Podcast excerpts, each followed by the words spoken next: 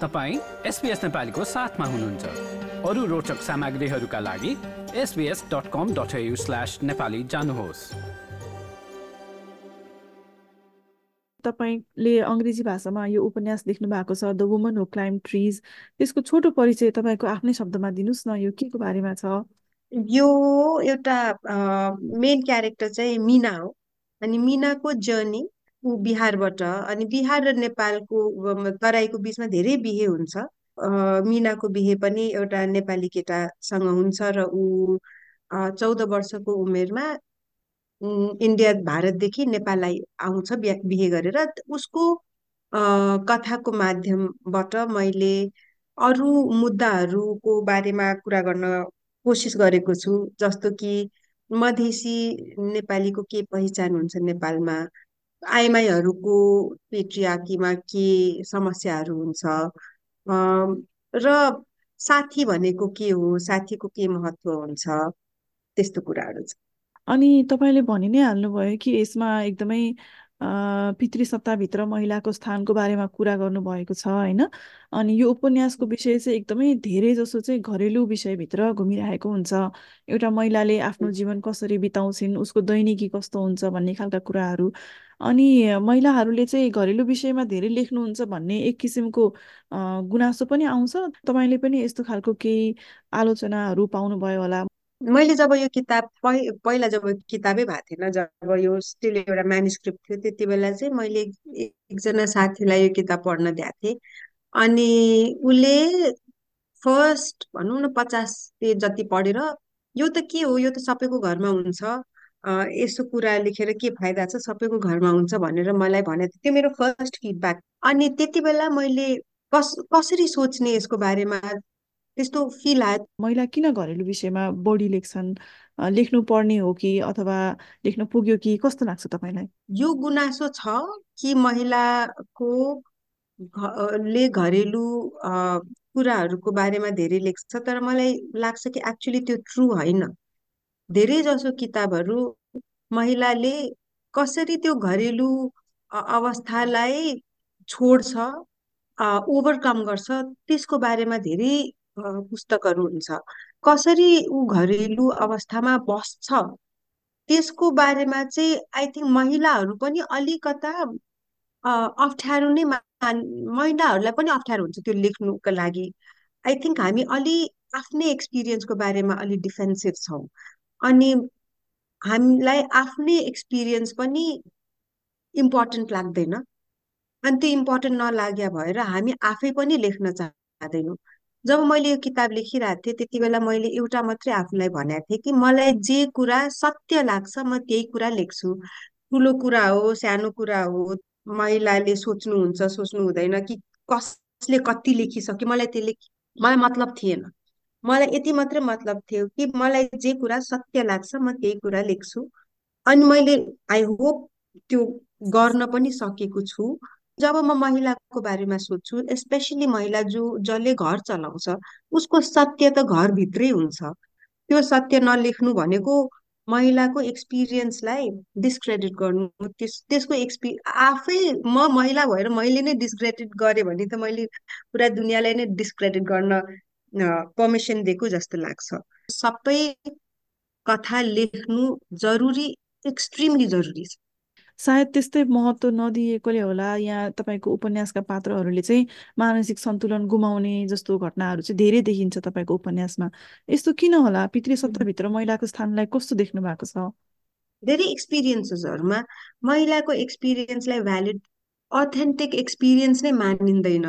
पितृसत्तामा महिला पनि त पितृसत्ताकै आइडियोलोजीलाई आफ्नो आइडियोलोजी बनाएर हुर्केको हुन्छ। अनि जब कसैले इन्क्लुडिङ महिलाले आफ्नै एक्सपिरियन्सलाई अथेन्टिक देख्दैन कि आफ्नै एक्सपिरियन्सलाई भ्यालिड देख्दैन आफ्नै एक्सपिरियन्स उसले आफै बुझ्न सक्दैन कहिलेकाहीँ किनकि सबैले भन्छ कि उसको एक्सपिरियन्समा भनौँ न त्यो शक्ति नै छैन।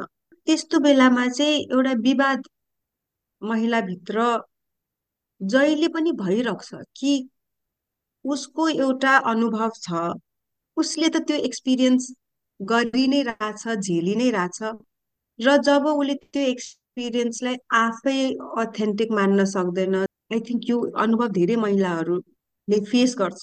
त्यसले गर्दा आई थिङ्क मानसिक सन्तुलन हराउने निश्चितै हुन्छ। मैले यति महिलाहरू चिनेको छु जो कि त डिप्रेसनमा छ कि त कुनै न कुनै प्रकारको मानसिक तनाव मानसिक अनहेल्दिनेसमा छ तर उनीहरूलाई थाहा नै छैन। उनीहरूलाई थाहा छैन उनीहरूको परिवारलाई थाहा छैन। अनि यो एकदमै ठुलो रियालिटी हो। पागल महिलाको धेरै कथाहरू छ भन्छ। तर मलाई त्यस्तो लाग्दैन। मलाई लाग्छ पागल मान महिलाहरू धेरै छन् र कथा धेरै थोरै छन्। र त्यो कथाहरू लेख्नु पनि हाम्रो एक प्रकारको दायित्व पनि हो। हामीले लेख्नु पर्छ। सो द्याट कति कमन छ यो कुरा त्यो हामीले जबसम्म एक्नोलेज गर्दैन तबसम्म यो त लुकिएर बस्ने अनुभव हुन्छ। अर्को पनि एउटा एकदमै लुकेर रहेको पाटो चाहिँ तपाईँले आफ्नो उपन्यासमा लेख्नु भएको छ। एकजना वयस्क महिलाको अर्को महिलाप्रति आकर्षण छ तपाईँको उपन्यासमा। र साथसाथै बालिका अथवा किशोरीहरूले पनि समलिङ्गी गतिविधि भनौँ न त्यस्तोहरू पनि देखाउनु भएको छ तपाईँले होइन? यो कसरी लेख्न पुग्नुभयो? यो समाजमा कतिको विद्यमान छ जस्तो लाग्छ तपाईँलाई र हाम्रो समाजमा केटा र केटीको बिचको सम्बन्धमा यति धेरै प्रब्लम छ यति धेरै रेस्ट्रिक्सन छ कि अरेन्ज म्यारेजको समाज हौ। केटीहरू मात्रै होइन केटाहरूले पनि आफ्नो सेक्सुअलिटीलाई एक्सप्लोर गर्ने त टाइमै पाउँदैन। सेफ स्पेस सबैलाई चाहिन्छ to explore pleasure to explore sexuality कि सेफली कसरी गर्ने र जुन समाजमा यो सेफली हामीले गर्नै सक्दैन त्यसमा सेफेस्ट स्पेस चाहिँ आई थिङ्क समटाइम्स आफ्नै सेक्ससँग आफ्नै जेन्डरसँग महिलाहरूले सेफ्टी पाउँछ। त्यो समाजमा घरभित्रै त एक्सप्लोरेसन सुरु हुन्छ नि। अर्को कुरा केटाहरू र केटीहरूको दुनियाँ हामीले यति फरक बनाएको छ यति फरक बनाएको छ कि धेरै महिला र केटाहरूले सिधै भन्छ कि मैले त न बुझ्न सक्छु त्यो अर्को जेन्डर जेन्डरलाई न त्यो अर्को जेन्डरले मलाई बुझ्छ।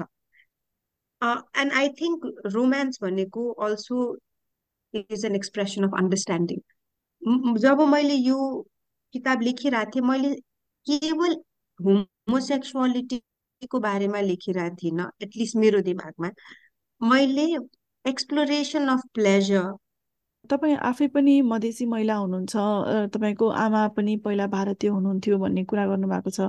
यो हिसाबले मधेसी पहिचानको बारेमा पनि लेख्न लेख्नु भएको छ उपन्यासमा। अनि मधेसी पहिचानलाई नेपालमा कसरी देख्नु भएको छ अहिले? र यसको बारेमा लेख्नुपर्छ कथामा फिक्सनमा भन्ने जस्तो किन लाग्छ तपाईँलाई? मैले त सानैदेखि यो प्रश्न धेरै सुनेको छु। तिमी नेपाली हो कि इन्डियन भनेर मान्छेहरूले हतपति नै भनिहाल सोधिहाल्थ्यो। र मलाई अझ पनि याद छ कि म कति कन्फ्युज हुन्थ्यो त्यो क्वेसनले। मलाई आफै पनि त्यही भएर धेरै वर्षसम्म यो प्रश्नको जवाब नै थाहा थिएन बिकज यो जुन कन्फ्लिक्ट छ यो जुन विवाद छ मैले धेरै मधेसीहरूको भित्र देखाएको छु। सेभेन्टिजसम्म त मधेसबाट काठमाडौँ आउन पासपोर्ट लाग्थ्यो। वान सेभेन्टिज त त्यति धेरै धेरै पुरानो कुरा पनि होइन। एन्ड आई थिङ्क एउटा मधेसी पहिचान नेपालमा गाह्रो गाह्रो पहिचान थियो र गाह्रो पहिचान अहिले पनि छ तर इट्स बिकमिङ इजियर तर एकदमै सजिलो त भएको छैन।